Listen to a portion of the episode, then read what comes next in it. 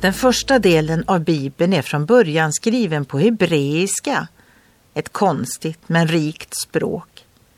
I ett stort judiskt lexikon skriver Kaufmann Kohler att det inte finns något annat språk som har så många ord för glädje och jubel.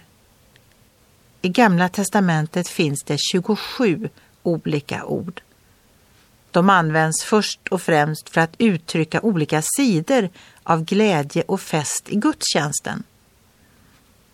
Denna unika sida med Bibelns språk är ett uttryck för att Gud är källan till all sann glädje. Också idag kan glädjens budskap från Herren fylla ditt hjärta. Profeten Jeremia sa så här. Dina ord kom och jag åt dem. Ja, ditt ord blev mitt hjärtas fröjd och glädje. Ty jag är uppkallad efter ditt namn, Herre, härskarornas Gud.